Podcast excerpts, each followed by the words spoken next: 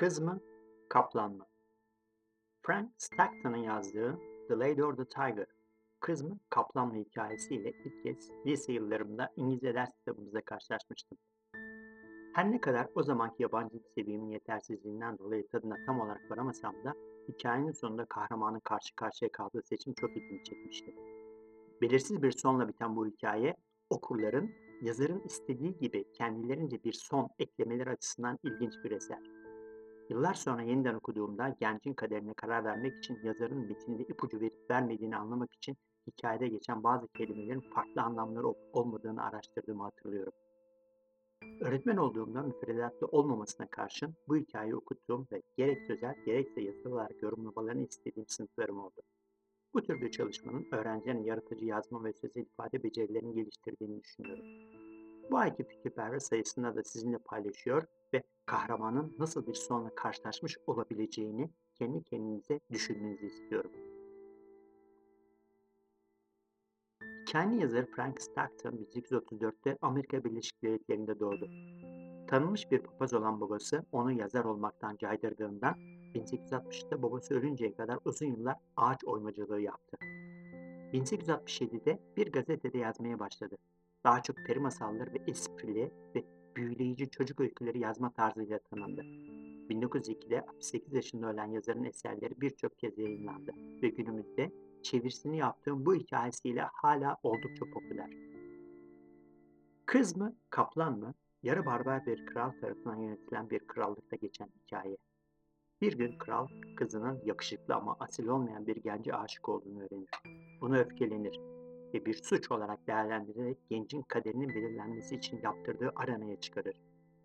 Kralın halkını eğlendirmek ve eğitmek için ülkesine getirdiği yeniliklerden biri olan bu arenada bir kişinin suçlu mu yoksa masum mu olduğu tamamen kendi seçimiyle tesadüfen belirlenmektedir. Uygulamada kral önemsemedi, önemsediği bir suçla itham edilen bir kişi halka açık bir arenaya getirilir ve arkasında ne olduğunu bilmediği iki kapıdan birini seçmesi istenir. Bir kapının arkasında kralın sanık için uygun bir eş olduğunu değerlendirdiği güzel bir kız, diğerinin arkasında ise vahşi ve aç bir kaplan vardır. Kapılar kaderi, kaplan ölüm ve cezayı, kız ise masumiyeti ve ödülü sembolize eder. Zanlı arkasında kız olan kapıyı seçerse suçsuz olduğunu hükmedilir ve masumiyetinin ödülü olarak o kızla hemen evlendirilir. Ama arkasında kapı, arkasında kaplan olan kapıyı seçerse suçlu sayılır ve zaten aç olan hayvan tarafından parçalanır. Seçimi zanlının kendisinin yaptığından dolayı adil olduğu düşünülür bu yargılamanın.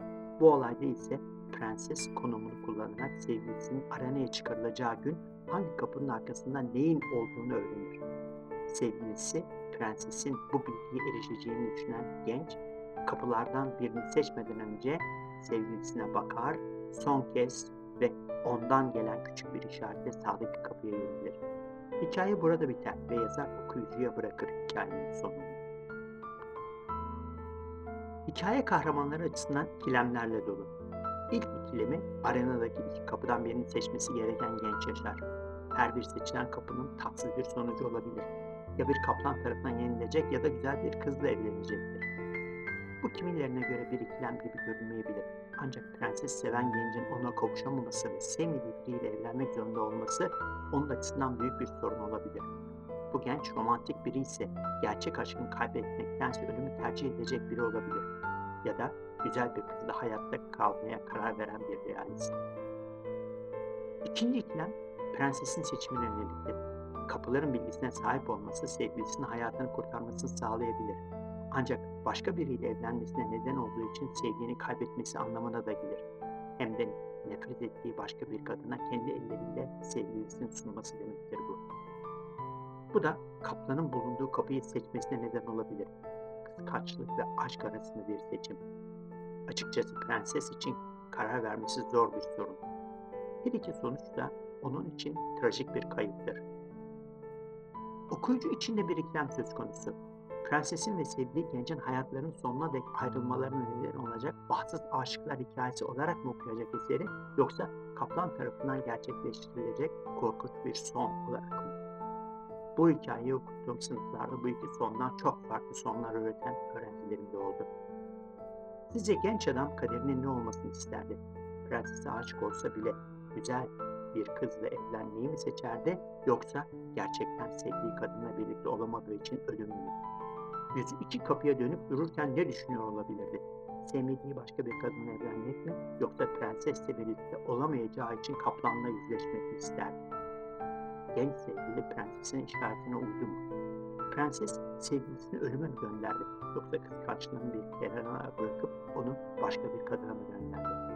Tüm bu sorulara vereceğim cevaplar bir anlamda bizlerin hayata bakışımıza dair ipuçları da içerir. Seçim size kalmış.